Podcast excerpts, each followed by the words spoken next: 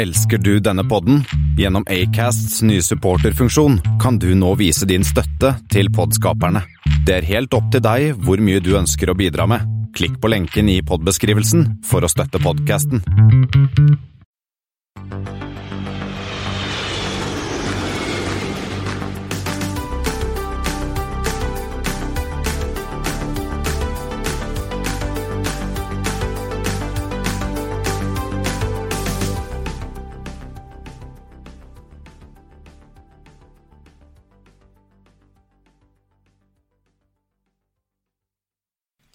Hei og velkommen til eh, Flypoddens flight 103. Som vanlig hører du meg, Espen Næss, og Kristian Kabau. eh, naturligvis må jeg jo innom flight PA103 her, bedre kjent som eh, Lockerbie i, blant allmuen. Eh, men vi har også noen nyheter som ikke handler om korona. Hæ, fins det? Eh, ja, et par. Eh, Men også i anledningen korona så har jo vi da vært ute, eller vært på det store nettet, og snakket med landets to fremste eksperter på flyfrakt. Ja, det syns jeg vi kan si. Ja, det er jo vi som er bedømmer slikt. Ja, Og Friends of the Pod er det òg. Ja da, vi, vi kommer litt tilbake til det. Men eh, først tenkte jeg å begynne med flight 103. Jeg har funnet noen til deg, Christian. Ok, kjør på. Eh, SK 103. ARN til MMX. Alanda til Malmö, Sturup. Ja, vi er fortsatt i sånn uh, eh, svensk innenriksmodus, men den går med en blanding av CRJ 900, Airbus A320 CEO og Airbus A320 Neo. Sånn, alt ettersom hva de har. Ja, og Ja. sikkert 737 når de hadde det på den Arlanda-basen. Og så er AC103 YYZ til YVR. Uh, Toronto-Vancouver. Det stemmer, og den går med en blanding av 7879 og 7878. Ja, Det er jo en tung eh, rute, det, mellom to store byer i Canada. Et stykke, Ja, og, ja, det er et lite stykke. Og så en siste, TF105. Ah, eh, bra. Eller gamle Malmö Aviation. Ja, eller Flyg bra, eller Flyg bra, hva eller- ja. vi skal kalle dem. Eh, Jettebra. OER til BMA. Ørns- det er er Ørnskjoldsvik. Eh, der har jeg vært mange ganger, men aldri fløyet dit. Nei, eh, så de, og de flyr med da med en, som har kode AT7. En ATR 72, da. Ja, og likhet mellom disse tre. Eh, de går i dag. Det vet jeg. Mm, det er jeg litt usikker på. De går iblant, eh, men det er innenriks. Det er innenriks. Ja. og ganske Innenriks alt fra veldig kort til veldig langt. Uh, ja Ørnskjoldsvik til Bromma er jo et stykke, da. Er ikke det en Det er jo Örnsköldsvik er jo langt oppe i Nord- Nord-Sverige, vet du. Det er Norrland. Ja, men Arlanda Nei. Malmö er jo under en time, Ja. mens jeg vet ikke, Toronto til Vancouver, var det fem timer eller noe sånt? Ja, ja. Så det var ikke Jeg prøvde å se sånn, var det noe nord-sør. Nei, det er ikke det heller. Det var rett og slett innenriks eh, jeg klarte å finne i dag. Eh, og så er det jo selvsagt en ulykke. Det er jo da Pan Am Flight eh, 103, men den kommer vi tilbake til senere, for det er liksom ukens tema. Det er ukens tema. Nemlig. Eh, og vi, du sa du lovte at det hadde skjedd noe nytt i verden, flyverden, Espen, som ikke var koronarelatert. Skal vi begynne med Ja, en, eh, no, noe så positivt som en rute, ny rute? Ja, for det strømmer jo på i disse dager. Eh, nei, det er SAS eh, som egentlig for andre gang, eller på annet forsøk, nå annonserer Oslo Lakselv. Ja, for det er jo i forbindelse med at SAS har vunnet denne forsvarskontrakten eh, fra Norwegian, så har de begynt å flytte til Bardufoss tidligere, og nå er de også lansert Lakselv Banak? Ja, ja eh, men dette var et eget anbud. Ah, ok. Så, det, så dette var jo egentlig Det ble lagt ut som et anbud i var det februar, eller tidligere. Eh, SAS vant første gang. Eh, så var det noen som klagde. Eh, ryktene sier at disse noen hadde røde snuter. Ja. Så anbudet ble lagt ut på nytt, og SAS vant igjen. Så det er egentlig snakk om å fly to ganger ukentlig. Fredag og mandag. Det er din, så er det ikke store volumet. Ja, det er dimme, for de holder jo på å bygge opp denne garnisjonen i Porsanger, eller Porsanger leir, eller hva det heter der oppe. Og da liksom trenger eh, noe mer volumer til eh, Oslo enn bare Widerøe via Tromsø. ja. Eh, ja, og den skal begynne å fly allerede nå i slutten av april. Jeg forsto at den begynner om en måneds tid. Eh, SAS har i hvert fall kapasitet til det nå, så de får noen millioner i året for å fly den. Ja, og, og Forsvaret trenger jo fremdeles å flytte folk. Heldigvis. Det, det stemmer. Så kanskje kan, kan ta med seg litt eh, krabbe til vei tilbake. Begynner ikke den krabbesesongen nå i slutten av mai eller juni? Ja, mulig, mulig det. Da kan det være et fint sted å laste på litt krabbe, da. Ja. Eh, og så Ok, Resten av nyhetene har jo kanskje en link til korona, men de handler jo egentlig ikke om korona. Vi kan begynne hos uh, Lufthansa. Ja, for der er det noen som har uh, gjort et lite, lite, smart, eller ikke fullt så smart move. Nei, det er en viss herremann, Heinz Herman Thiele, en av Tysklands rikeste menn. og som da tydeligvis sitter på en del cash, og nå benytter seg av krisen og fallende aksjekurser til å kjøpe seg opp i Lufthansa, og har allerede blitt nå rukket å bli største eier i Lufthansa. Med, han trengte jo ikke mer enn 10% eller noe sånt for å få til, eh, men er da blitt største aksjonær i Lufthansa. Benyttet seg av krisen, eh, skuslet ikke bort den. Uh, han er jo litt oppe i årene, denne godeste Hans Heinz Herman. Jo, han har vel, uh, vel tjent pengene sine på noe industri og greier? Ja, industrier. Jeg så blant eide et selskap som heter Voslo, og de vet jeg bl.a. produserer sporveksler. Ja, for det har du vært borti før? Det har jeg vært borti før. Ja, for det, det var mye sånn togutstyr og litt sånn heavy industri han driver med. Ja, og så får man jo se da at han, dette er jo det er jo litt spekulativt. Man kan si at her er en som benytter seg av sjansen. Sitter du med cash nå, så er det jo mange gode kjøp når det snur, på et eller annet vis. Eh, det er ikke dumt har... å kjøpe seg opp i Lufthansa av alle ting. Den, altså Nei, kjøpe seg opp i Lufthansa på bunn. Eh, og det er jo sånn jevnt oversagt at Lufthansa er jo at regnes som et relativt veldreven selskap. Uh, men slik jeg forstår mediene, så er ikke dette en sånn såkalt passiv investor. Så han har nok sikkert noen synspunkter, og vi har noen inn i styret skal ikke bli veldig overrasket over. Nei, men eh, det er jo tiden å gjøre det på, da. Så hvis man eh, har litt eh, cash og har råd til å tape det, så er det vel nå man skal ut og kjøpe litt. Ja, absolutt. Det er jo på bunn. Man kjøper på bunn, man gjør de store gevinstene. Ja, så fremt man har penger å bruke og har jobb etter påske. Det stemmer. Og så er det jo to selskaper som jeg egentlig ikke trodde at noen av de hadde penger, men de har dealet med hverandre. Ja, det, det dukket opp på Twitter her forrige uke at det har skjedd, skjedd, litt dealings i slåttmarkedet på Heathrow. For Air India leaser nå Heathrow-slottsene til Garuda. Ja, det er snakk om fire ukentlig. Garuda er jo litt sånn i sparemodus. Fire? Seks? Uh, seks? Seks ukentlig. Uh, de er jo litt i sparemodus og trenger litt uh, mer si, inntekter og redusere kostnader. og og ser jo kanskje at markedet i Europa kanskje skal være litt dårlig framover. så de lyser ut sine slotts på Heathrow. Og så var kanskje ikke Air India den største sånn Å, de har jo masse penger å bruke på det. Men de har, skal i hvert fall lyse da ut sommeren 2021, så vi snakker jo halvannet år. Uh, sånn Bortsett fra teknisk akkurat nå, så kan de jo ikke fly dit i det hele tatt. Men uh, de får vel kanskje bruk for dem etter hvert. Jeg trodde at Garuda var band for lenge siden. De jo, har jo vært på den, lista, den svartelista til EU ganske lenge. Nei, ikke Garuda. Garuda var det eneste indonesiske ja. selskapet.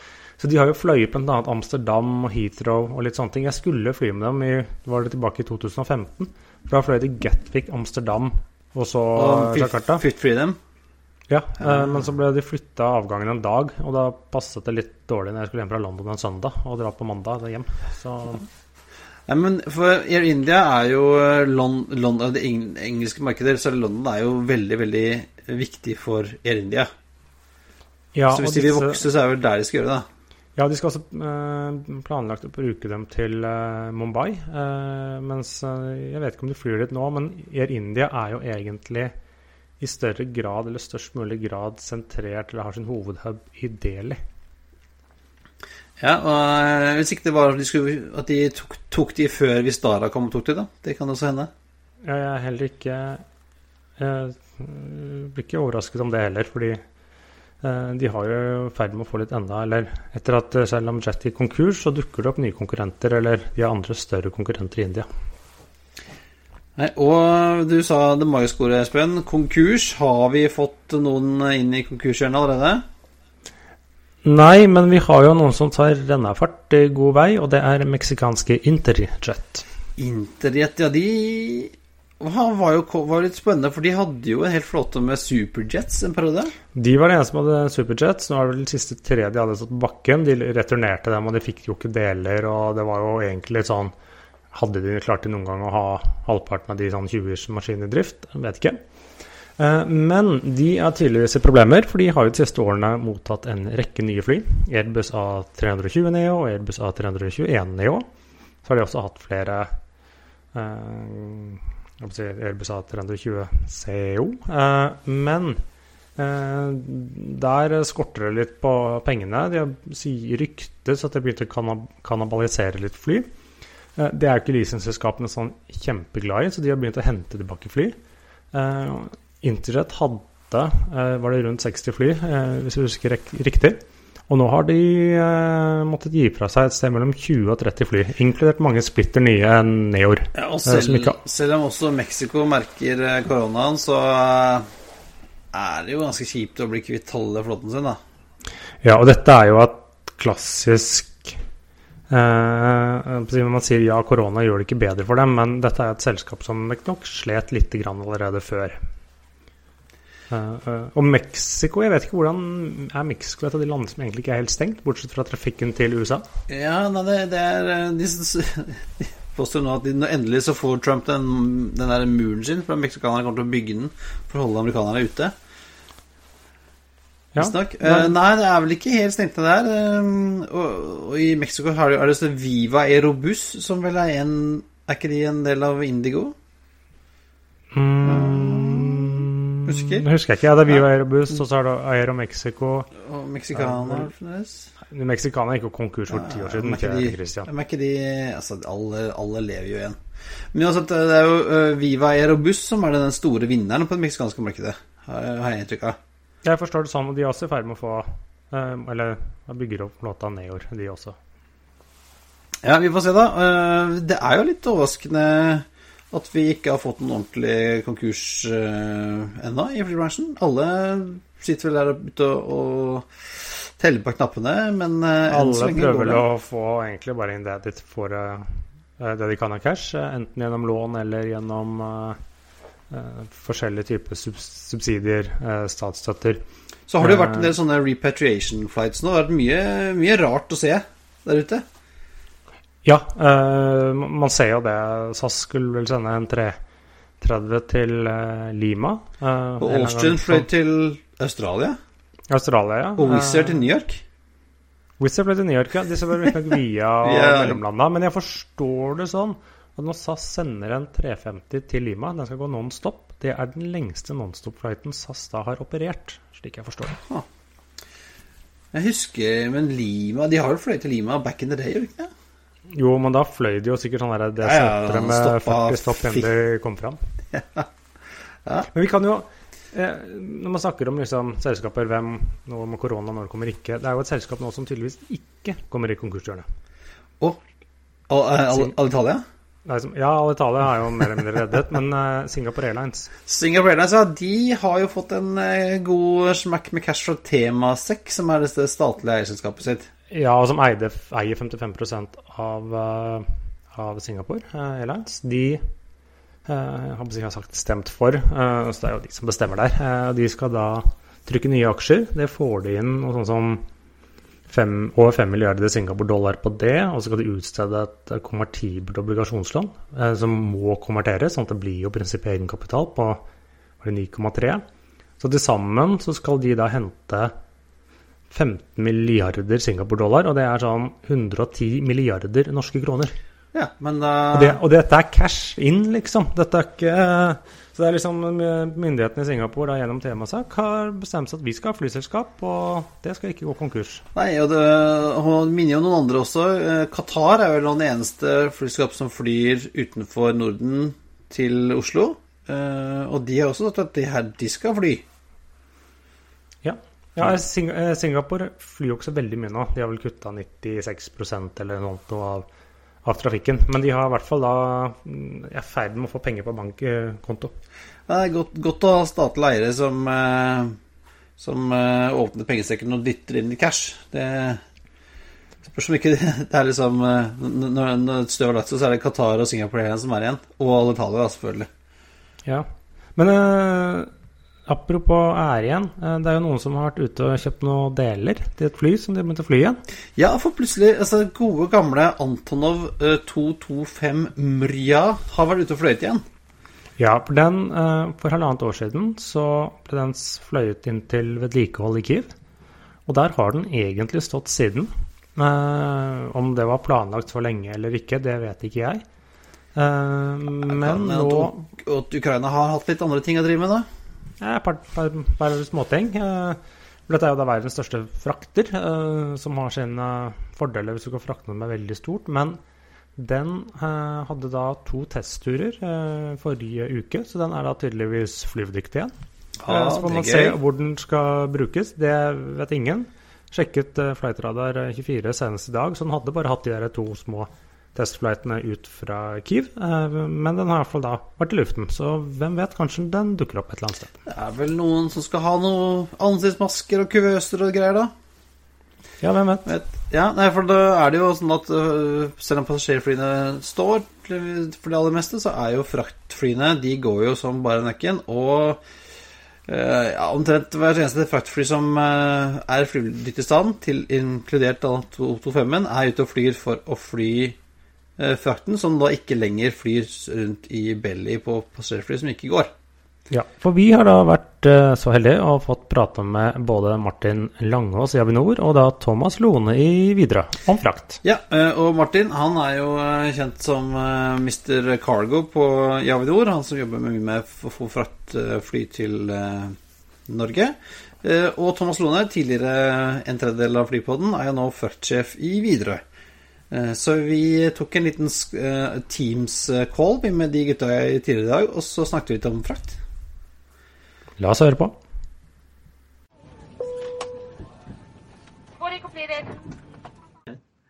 Da har vi samlet et lite panel i dag um, for å snakke om flyfrakt. Og, til, og, nå sitter vi i alle våre hjemmekontor nesten. Um, Espen, hvem har vi med oss i dag? Du, vi har da er det Norges to fremste flyfrakteksperter. Martin Langås og Thomas Lone. Hei, hei. Hei, hei. Hei, hei. hei. Hyggelig å være her. Så vi, eh, vi, har tatt kontakt med dere, for vi i Flypotten lurer på litt eh, hva som skjer i eh, fraktmarkedet om dagen. For det forstår jo vi at det er litt annerledes enn passasjermarkedet. Eller hva, Christian? Jo, altså vi har jo hørt, vi har jo snakket om det tidligere, at raten har gått opp. Og, og flere andre flyskaper nå kjører jo frakt, ren frakt i passasjermaskiner. fordi at selv om ruten ikke går, eh, så er det jo et stort marked et etterspørsel etter å drive frakt, bl.a. av eh, helsemateriell og mat og fisk og greier. Så nå er Martin, går det noe fisk ut av Gardermoen om dagen? Ja, det er det som er eh, morsomt, men også frustrerende. holdt jeg på å si. Det altså Sjømateksporten går som bare det. Men siden vi nå ser at passasjerflyselskapene verden over setter kapasiteten sin på bakken, så er det blitt et veldig høyt press på flyfrakten. Fordi at det meste av flyfrakten går jo faktisk på eh, passasjerfly i kombinasjon med passasjerer. Og eh, selv om det er nå begrensninger i mobilitet og, og reisemuligheter for, eh, for, mennesker rundt omkring i verden, så er det fortsatt eh, behov for å sende frakt fra A til B. Så man er i en situasjon hvor det er betydelig mindre fraktkapasitet tilgjengelig, men et høy etterspørsel etter frakt. Ja, og det merker også dere, Thomas, i Widerøe. Du, du, er jo nå tidligere flypodden, nå fraktsjef i Widerøes flyveselskap. Det stemmer. Ja, vi, vi, ser jo det innenriks også. så De uh, ordinære varestrømmene de går jo fortsatt. Altså, vi har jo et særlig ansvar med å transportere frakt ut til utkanten av Norge. Uh, Lofoten, Finnmark, Vestland osv. Vi ser jo det at uh, bilverkstedene går, det er behov for bildeler. Det er mye medisinske prøver som kommer inn fra utkanten og skal analyseres i, Eh, på de store sykehusene, f.eks. Bodø, Tromsø osv. Så, videre. så Så det er, det er helt klart et, et fraktbehov innenriks i Norge òg. Og det gjør seg jo spesielt gjeldende når vi har den geografien som vi har. Så ting som er tidssensitivt, det, det må fortsatt fly. Og da har vi fått det mandatet også av Samferdselsdepartementet at vi skal opprettholde rutene med tanke på passasjerer som må bevege seg, og frakt. Så det, det er et viktig samfunnsoppdrag for oss. Ja, og um, Jeg husker i gamle dager, eh, faren min jobba i VG, så var det sånn da trykte man jo papiraviser i Oslo og sendte dem rundt omkring hele landet med fly. Eh, og Widerøe hadde jo da egne sånne avisposer som passet oppi eh, setene. Eh, så det hendte jo at du kunne ta en flight, Widerøe-flight nesten uten passasjerer, men full alle setene var det sånne avisposer. Uh, har noen vært på lageret og funnet fram de, eller Thomas? Nei, Vi har ikke vært på lageret og funnet frem de såkalte setekonteinerne ennå. Eh, men vi flyr faktisk eh, aviser ennå. Det går mye aviser ut fra Evenes og, og, Tromsø, ut spesielt til Finnmark går det mye aviser. Så aviser, tidsskrifter og den type ting går det fortsatt eh, en del av. Det, det er jo et marked som som holdt på å si, tidens tann går, går litt ifra. Men folk leser fortsatt aviser, så da må de ut i distriktene hvis de skal være dagsaktuelle. Jeg har jo sett at både American Airlines for eksempel, har jo hatt sin første rene flight, uh, cargo flight på ja, mange tiår. British Airways kjører uh, A350 kun med bellyfrakt. Uh, du sier at, at forrige uke. Så, det... så sa det forrige uke. Uh, Martin, ser vi noe mer av det på Gardermoen nå, eller? For nå er det vel bare Qatar som flyr internasjonalt på Gardermoen? Ja, akkurat, akkurat, nå er det det. Ja, vi, vi, vi, ser det. Eh, men så må jeg si at vi har jo altså Norge er jo en stormakt på flyfraks. Og vi ser jo det at flyselskapene prioriterer eh, kapasitet fra Oslo forhold til andre skandinaviske gateways. Så på frakterne så har vi jo relativt eh, tilsvarende dekning nå som vi hadde før krisen. Men vi ser jo også at det er flere flyselskaper som nå setter inn ekstra kapasitet, som du sier.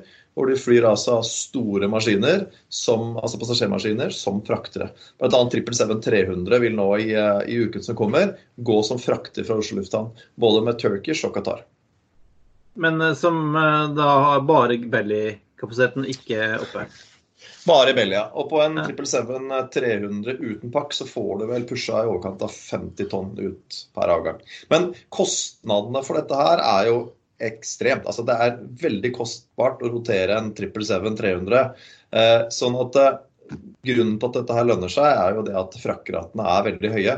Og jeg ser på disse avgangene at ratene er såpass høye at man er veldig nære det punktet hvor sjømateksportørene ikke kan bære den kostnaden lenger. Så vi snakker om en femdobling av ratene i forhold til normalt nivå. Ja, for det er jo det har jo vært innom før, det er jo en fare, da. Eh, at fisken ikke kommer seg av gårde fordi at den blir eh, Plasten blir tatt opp av andre ting, da. Er det en, er det en, eh, en bekymring blant dine kunder, Martin? Ja, altså største utfordringen som jeg ser nå, det er det at det er veldig mange flyselskaper som nå vurderer å bruke flyene sine som fraktere. Så du får det som heter ghost flights i markedet. altså Man får spekulasjoner og rykter om at det er selskaper som skal sette inn kapasitet. Og Det legger press på, legger press på ratene og gjør det at det er veldig vanskelig å få commitments på de flyselskapene som faktisk kommer til å fly disse flightene. Så uh, Utfordringen nå er egentlig at det er veldig mye armer og ben og litt kaos i markedet. Man har ikke fått strukturert disse på en måte alternativene på en ordentlig måte. Som gjør at man får uh, regulære forsyningslinjer med, med, passasjermaskiner som flyr frakt. Men nå, nå, snakker vi jo mye om det som skal ut av Norge, og, og spesielt da fisk, men også andre ting. Uh, kan man si noe litt sånn generelt uh, si, Innfrakten til Norge, er det noen endringer der? kan man si noe der på litt sånn generelt grunnlag? Altså, vi jobber jo, jeg, jobber, jeg har to uh, roller for tiden. Vi har også, bistår også om å få medisinsk utstyr til Norge, så der går det egne flighter med det. Uh, men i dag er det jo bare, som det var du som nevnte det, Seka, at det er Qatar som flyr regulært inn til Oslo. Og den maskinen er full av frakt. Og Det er jo sånn at det er jo fortsatt en, en skjev retningsbalanse, men vi har fått klippet bort så mye kapasitet nå, Emirates er borte, Thai er borte, at det lille som er, det går smekkfullt til Oslo. Og Jeg ser jo også at det er gods som går inn til Oslo, som nå skal til andre steder, f.eks. Amsterdam eller til andre steder i Europa. Så all kapasiteten inn blir benytt, utnyttet fullt ut. Og, og de vanlige pakkefrakterne, UPS og FedEx og DHL, går jo som vanlig. De går også som vanlig, og er eh, i hvert fall etter det jeg har forstått det, smekkfulle. Ja, Det er veldig godt å høre. Jeg har en skjorte på vei fra London, så jeg er litt usikker på når den kommer. Jeg venter på fra Lego fra England, så det er uh... ja, så, så, så, så, Du gjør som Rimi-Hagen. altså Du sparer penger i disse krisetider, og så får snippene bytte til London? ja, nei, altså det er splitter nytt, altså. Man må, jo, man må, jo, bidra til å støtte næringsliv som står stille tenker jeg. Da kan, jo, kan, jeg bidra med å kjøpe en skjorte, da. Fra London. Men, men, du er jo noe inn på det. altså Det vi ser er jo at, eh, og det tror jeg man, også, man ser i Norge også, at, at, det at folk er hjemme, gjør at man handler mer på nett. Så dette er bare spekulasjon fra min side, men jeg vil jo også tro at det også gjelder fra, for netthandel på, på varer som kommer utenfra og inn. Sånn at uh, dette er nok en, en, en boom som hjelper denne type netthandel veldig godt i gang, tror jeg. Så har du disse postflyene til eh, West Atlantic. Martin, Wiig går vel også smekkfulle, da? Ja, de, de humper og går litt i skyggen. Det, det er litt, eh, litt, trist å si det, men, men, det er på en måte et litt system som går på siden av det vi egentlig driver med til vanlig. Sånn, Gjennom de siste årene så har det jo bare blitt mer og mer redusert aktivitet der. Og jeg tror vel egentlig vi er mer eller mindre er på et minimum i forhold til den kapasiteten som de representerer. Sånn helt uavhengig av koronakrisen, egentlig. Ja, det er vel en stund siden, ja, det er vel, det er vel en stund siden du sendte noe med posten som hastet? Jo, altså det er klart det er jo altså Det man må forstå med flyfrakt, er det at eh, vi syns det er litt kult og stilig at ting går med fly, men det er fryktelig dyrt. sånn at hvis det ikke haster veldig, eller er en spesiell årsak til det, så gir det ingen mening å putte en pakke inn i et fly til eh, til eh, ulike deler av Norge hvis alternativet er at de bruker to-tre dager i lastebil. Det aksepterer som oftest mottakerne fordi at det koster betydelig mindre enn å sende dem med fly. Og det er litt sånn, det er flyfraktens generelle onde. Og Det ser man også med store industrier som er på en måte prisgitt flyfrakt som en del av deres eh, forsyningskjede. Så vil de alltid bruke mye penger og ressurser på å prøve å finne alternativer. Man ser jo det med sjømatnæringen også. Man prøver å få landbaserte anlegg. Man ser hele tiden pop-ups og prøver å komme med nyvinninger som gjør at man kan gå bort fra å bruke eh, flyfrakt fordi at det er så dyrt.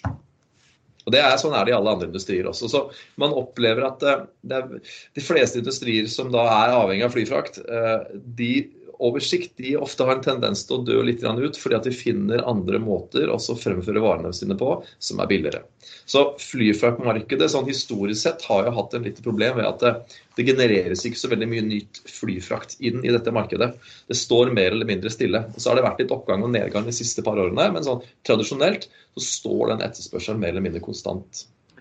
Og så er det jo, vi kan jo si at Nå er det litt sånn unntakstilstand på mange ting, men, og fraktratene er høye. Men eh, når eh, samfunnet begynner å gå i gang igjen, så vil jeg jo tro at vi kommer til å merke en rimelig eh, dypp i dette. Med tanke på alle som er permitterte, alle bedrifter som har gått konk og, og sånn. Så jeg tror at de som driver med flyfrakt tjener gode penger, må ta de penga når de kan. For når verden er tilbake, så er det slutt. Ja, jeg tror du er helt enig i det. Jeg tror du er helt enig i det. Og Vi ser jo det nå at eh, det som kan fly, det flys. ikke sant? Man har eh, fraktflymaskiner som har stått og støva i mange år, som nå blir satt i trafikk igjen for å virkelig tjene penger i disse dagene.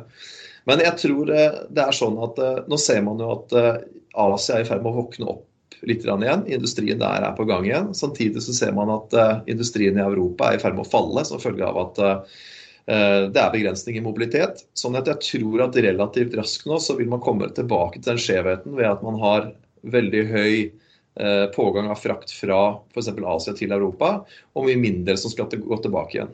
Og For Norge, som er så sjømattung, så vil det være en fordel. Så jeg tror det at vi kommer ganske raskt ned på normale rater igjen, om ikke så veldig lenge.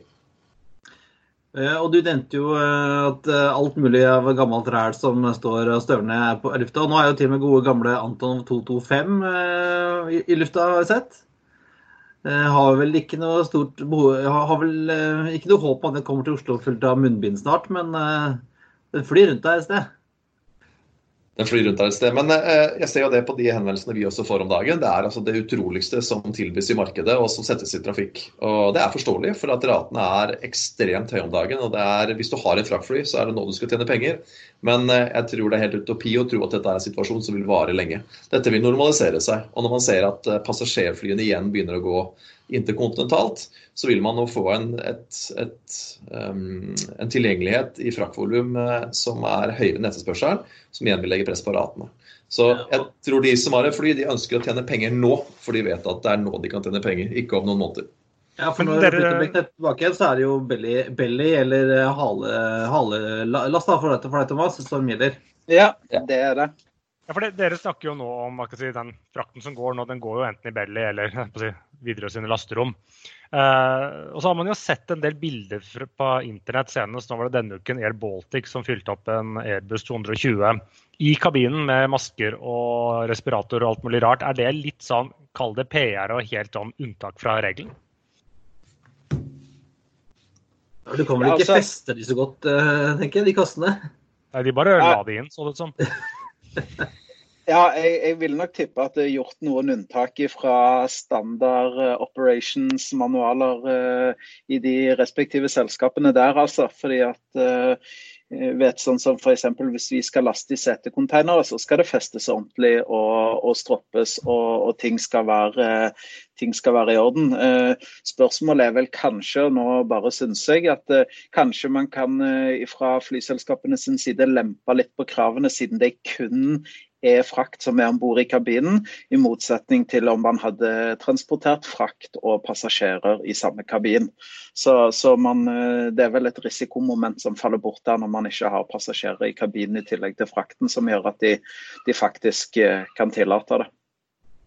Men det har jo vært litt morsomme bilder nå på, på nettet over f.eks. Air Baltic, som har dratt ut alle setene sine av disse nye flyene sine og bare fly frakt. Man ser Austrian som eh, lemper opp med pappesker i seter og legger netting over. Altså, det er mye kreativitet der ute, ser jeg, for å få fylt disse flyene. Og det er jo eh, interessant å se.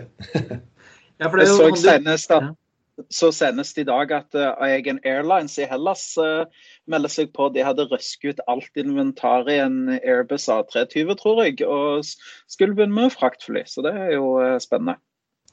Men dette funker jo da, fordi at det som er noe prekært i forhold til å hente eh, medisinsk utstyr, det er jo type munnbind og andre ting som er volumgods. Altså Det veier ikke så veldig mye, men det tar mye plass. Så Sånn sett er jo den kapasiteten som flyselskapene nå stiller tilgjengelig ved at man bruker altså passasjerfly som fraktere, veldig bra. For det veier lite, men det er mye volum. Da, da, da, er altså den type løsninger helt, helt akseptabelt. Og så handler det om å, å, få sysselsetting på flyene og, og menneskene og se at vi er her fremdeles. Så det er jo veldig, veldig godt at, at noe går, går rundt fremdeles. Og så får vi bare håpe at uh, vi får flere fly i lufta enn vi har på bakken uh, om ikke så altfor lenge. Da sier jeg tusen takk, eh, Thomas Lone, uh, Martin Langås. Takk for at dere kom på kort varsel til Flypoddens virtuelle studio. Alltid hyggelig å være med. Tusen takk for det. Og husk å vaske hendene, gutter. Det skal vi gjøre. Ja, Espen, det Det er bare å fly hvis du har, uh, har et lastefly, da. Ja, det er bare å fly. Og så skjønner jeg hvorfor jeg sitter og venter på den legoen min fra England, som tydeligvis ikke bruker litt lengre tid enn vanlig. Ja, det ser, ser, sånn ut at det kan ta litt mer tid å få, få ting, men jeg tror vi må jo bare anbefale folk å kjøpe litt ting på internett, sånn at vi får eh, holde hjulene i gang. Eh, absolutt, og det er jo mange ting man kan kjøpe på nettet i disse dager. Eh, men skal vi gå til uh, ukens spesialtema, Christian? Vi gjør det. Vi, dette er jo flight 103, og for uh, de som kjenner litt flyhistorie, så gir jo det assosiasjoner til Pan Ams flight 103. Og vi snakket jo om Pan American i forrige episode, 102. Eh, og da kom vi så vidt innom 103, som måtte var Om ikke det var spikeren i kista, så var jo det en, en klar eh, medvirkende årsak til at selskapet gikk konkurs i 1991. Ja, De kom seg aldri etter dette? Nei, eh, mange kom seg ikke etter dette. Og um, flight 103 var en vanlig flight som gikk De hadde jo mye sånn spesielle rutinger, Pan Am fra Europa. Den her gikk da Frankfurt, Heathrow, JFK, Detroit. Men ikke med samme fly? Nei, første legget det var jo en av disse, disse Heathrow-baserte 727-ene som vi snakket om i forrige episode, som hadde europabase der. Fløy også fra Oslo inn til, uh, inn til Heathrow. Uh, og i, på Heathrow så gikk det da passasjerene over på en 747 eh, for den turen over Atlanterhavet. Og den 21.12.1988 så gikk eh, Pan Am 103 som vanlig fra Heathrow med en eh, god gammel eh, 74700. 18 år gamle Clipper Made of the Seas. Jeg syns det er fantastisk at uh, alle Pan Am-flyene hadde disse Clipper-navnene. Uh, og pushback det var klokka 18.04, som var sånn fire minutter etter uh, rutetid. Tok av eh, på rullebane 27R på kl. 18.25 og fulgte da denne Great Circle Line ut mot New York, som eh, ville ta den over ja, Skottland og vel Island og Grønland og Canada før den kom til New York. Om bord 243 passasjerer og 16 crew. Fleste var amerikanere som var på vei hjem til jul, for dette var jo bare noen få dager før jul. Eh, Men også en del briter og andre nasjonaliteter om bord, som alltid på en sånn flight. Ingen nordmenn, men det var to svenske passasjerer og en, et svensk crewmedlem. Eh, 1903 så hadde Klipper 103 da nådd marsjhøyde på 31 000 fot og fikk klarsignal til å fortsette over Atlanteren. Eh, Og da eksploderte det en bombe i fremre lasterommet som rev et stort hull i flykroppen. Deler ble vrengt av og traff vingene og motorer. og det var sånn at- frontdelen ble jo måte vrengt av som du vrenger av toppen på en flaske omtrent. Eh, og på vei ned til bakken så ble disse delene av flyet spredt utover et stort område, for flyet gikk i oppløsning, mer eller mindre, på vei ned. Og på radar eh, da så gikk eh, dette ene radarekkoet til å og ble fem radarekkoer istedenfor.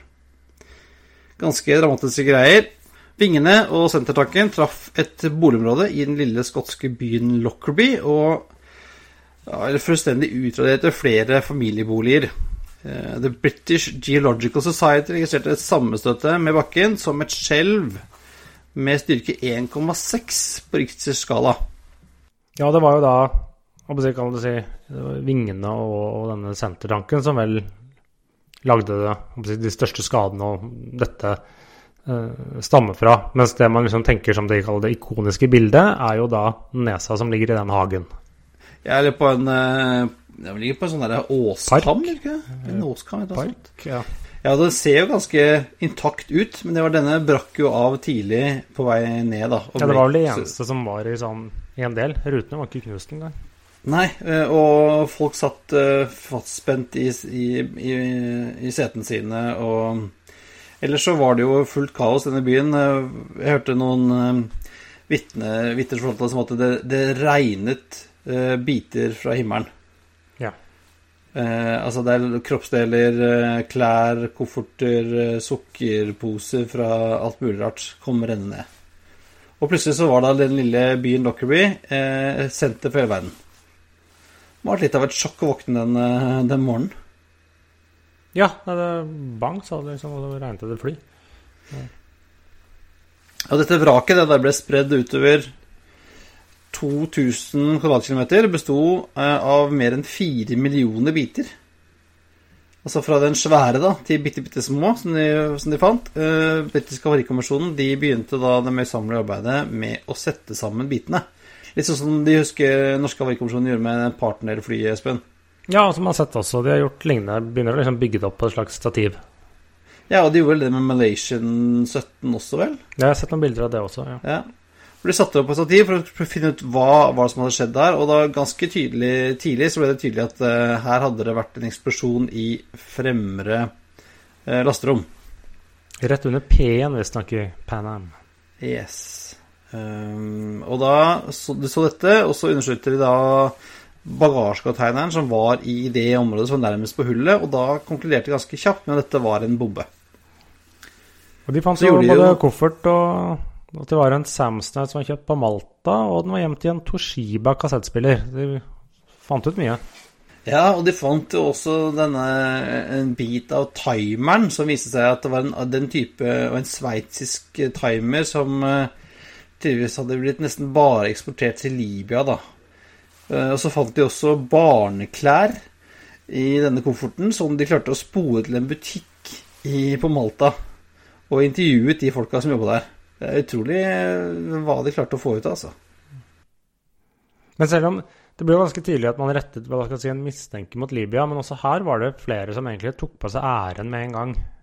Ja, det skjer ofte med sånn terrorangrep, at, eh, at folk ringer inn og sier at ah, det var vi som gjorde det. Vi, eh, og, og blant annet så var det disse, noe som het Guardians of the Islamic Revolution. Som var en iransk gruppe som hadde påstått de hadde bombet eh, PA-103 som hev, hevnaksjon for denne nedskytingen av Iran Air 655. Som vi snakket om eh, i Flight 92, hvor vi snakket om nedskytinger. Ja. Eh, og så var det noen som kalte seg for The Islamic Jihad. Og så var det til og med noen nordirske opprørere i Ulster Defence League som ringte og sa at det var vi som hadde gjort det. Hørtes ut som noe som de hadde funnet på etter en sånn eh, rimelig fuktig kveld på puben, tror jeg.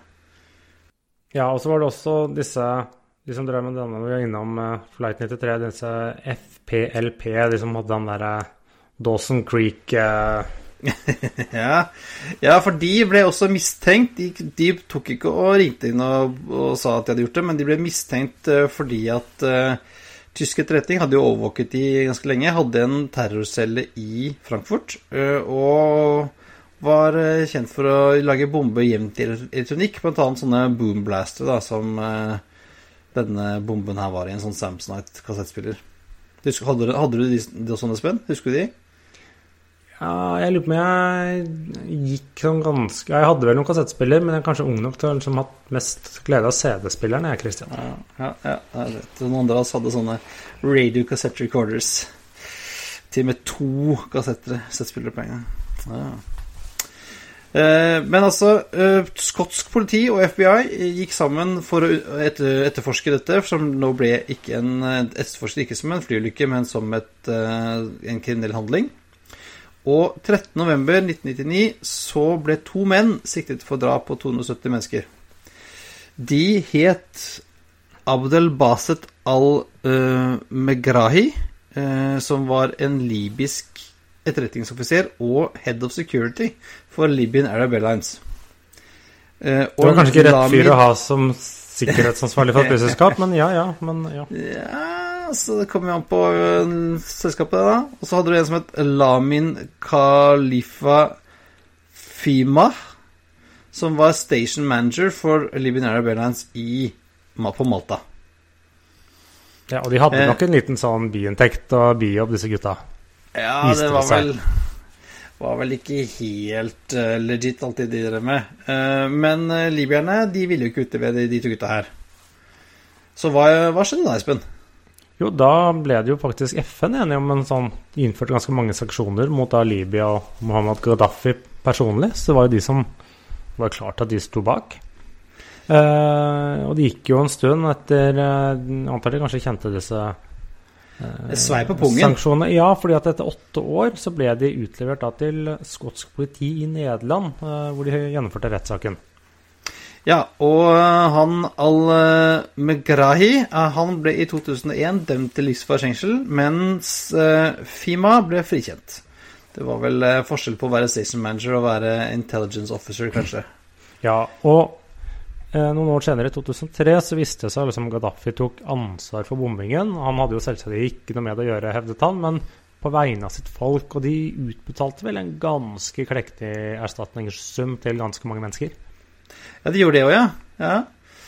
ja det, um, Visstnok skal dette ha vært hevn da, for en masse en rekke amerikanske angrep på Libya i, på 80-tallet. Bl.a. et luftangrep på Tripoli i 1986 som skal ha kostet bl.a. Gaddafis adoptivdatter livet. Og jeg sier visstnok fordi eh, det er jo ikke sikkert at hun ble drept, da. Eh, eller om hun var datteren hans i det hele tatt. Det var eh, mye, mye skums rundt den fyren der. Eh, Og mens han satt i fengsel, så utviklet eh, al-Megrahi prostatakreft. Eh, Og i 2009, etter mindre enn ti år i fengsel, ble han sluppet fri på humanitært grunnlag og reiste hjem igjen til Libya, der han døde av denne kreften i 2012. Ja, Så han faka han i hvert fall ikke, da. Det skal han. Nei da. Det var faktisk snakk om, etter at han ble sendt til Libya, at amerikanerne ville ha han utlevert, men da var det såpass kaos der i forbindelse med borgerkrigen og Gaddafis fall og alt mulig at han eh, var ikke så lett å få tak i. Eh, Og innen de fikk tak i han, så um, møtte han Allah, da. Mens Panam, som vi snakket om sist, de levde jo ikke lenger enn til 1991. Et år siden. Nei. Senere. Nei, og det fins jo masse bøker og Litt overraskende, det fins ikke noen filmer om dette, Espen. Jeg har ikke, funnet, jeg funnet, fantes visst én Det ble lagd én dokumentarfilm eh, som satte fram en del sånne liksom grove påstander om eh, om konspirasjoner og greier. Så den ble stoppet til visse steder eh, av, rett, av retten. Eh, men eh, jeg har ikke klart å finne den noe sted. Eh, Visstnok ikke så innmari, innmari god heller. Eh, Så da kan man heller eh, lese litt rundt. Det er jo Masse bøker. Ja, og så er det jo masse Dette er jo et viktig kapittel i Panam-historien også, så det er liksom bedre å heller ta hele Panam-historien og få med seg dette. Ja. Nei, så eh, Gå gjerne på Amazon. Det fins masse bøker der ute. Styr unna de som har sånne store sånn cons Conspiracy of 103 og sånn. Det er litt sånn ko-ko, tror jeg. Eh, Men det er jo interessant De jobbet jo ganske lenge med etterforskningen og hvordan de klarte liksom å, å finne de små bitene av, av bar, babyklær og klarte å spore de tilbake til en butikk. Og fikk snakket med han butikksjefen som sa at jo, han hadde sett en libyer inne her og kjøpte klær og greier. Så det er jo litt av en jobb de, de gjorde, da. Så det er interessant. Men du har en annen anbefaling også, du, Espen? Ja, en anbefaling. ja. Jeg er jo litt sånn, litt sånn lei av korona og sånne ting, men uh, våre venner, eller The Wendover Production, som har mye bra ute, nå har de kommet med Covid-19 Aviation's Nightmare, eller underteksten Whole Aviation's Fighting for Survival. Så den er jo å ta for seg um, da dettes påvirkning på luftfarten, og er en eh, jeg kan absolutt eh, anbefale, så vi legger ut linken til YouTube. All, disse sender jo, Det er YouTube de bruker som sin kanal, så man trenger ikke ha abonnement på et eller annet rart.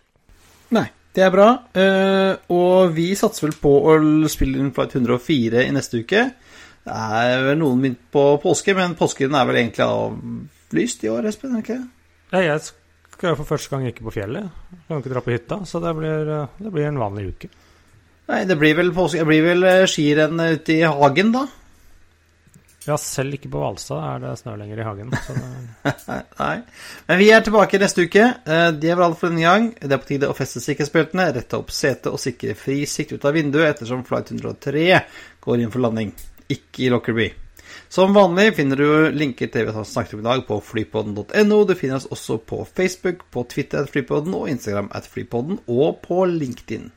Har du spørsmål, vil du invitere oss på en flytur, vil du ta en prat med oss på Skype, så er det bare å sende oss en mail på hallo at flypodden.no. ja, Ha det bra. bra.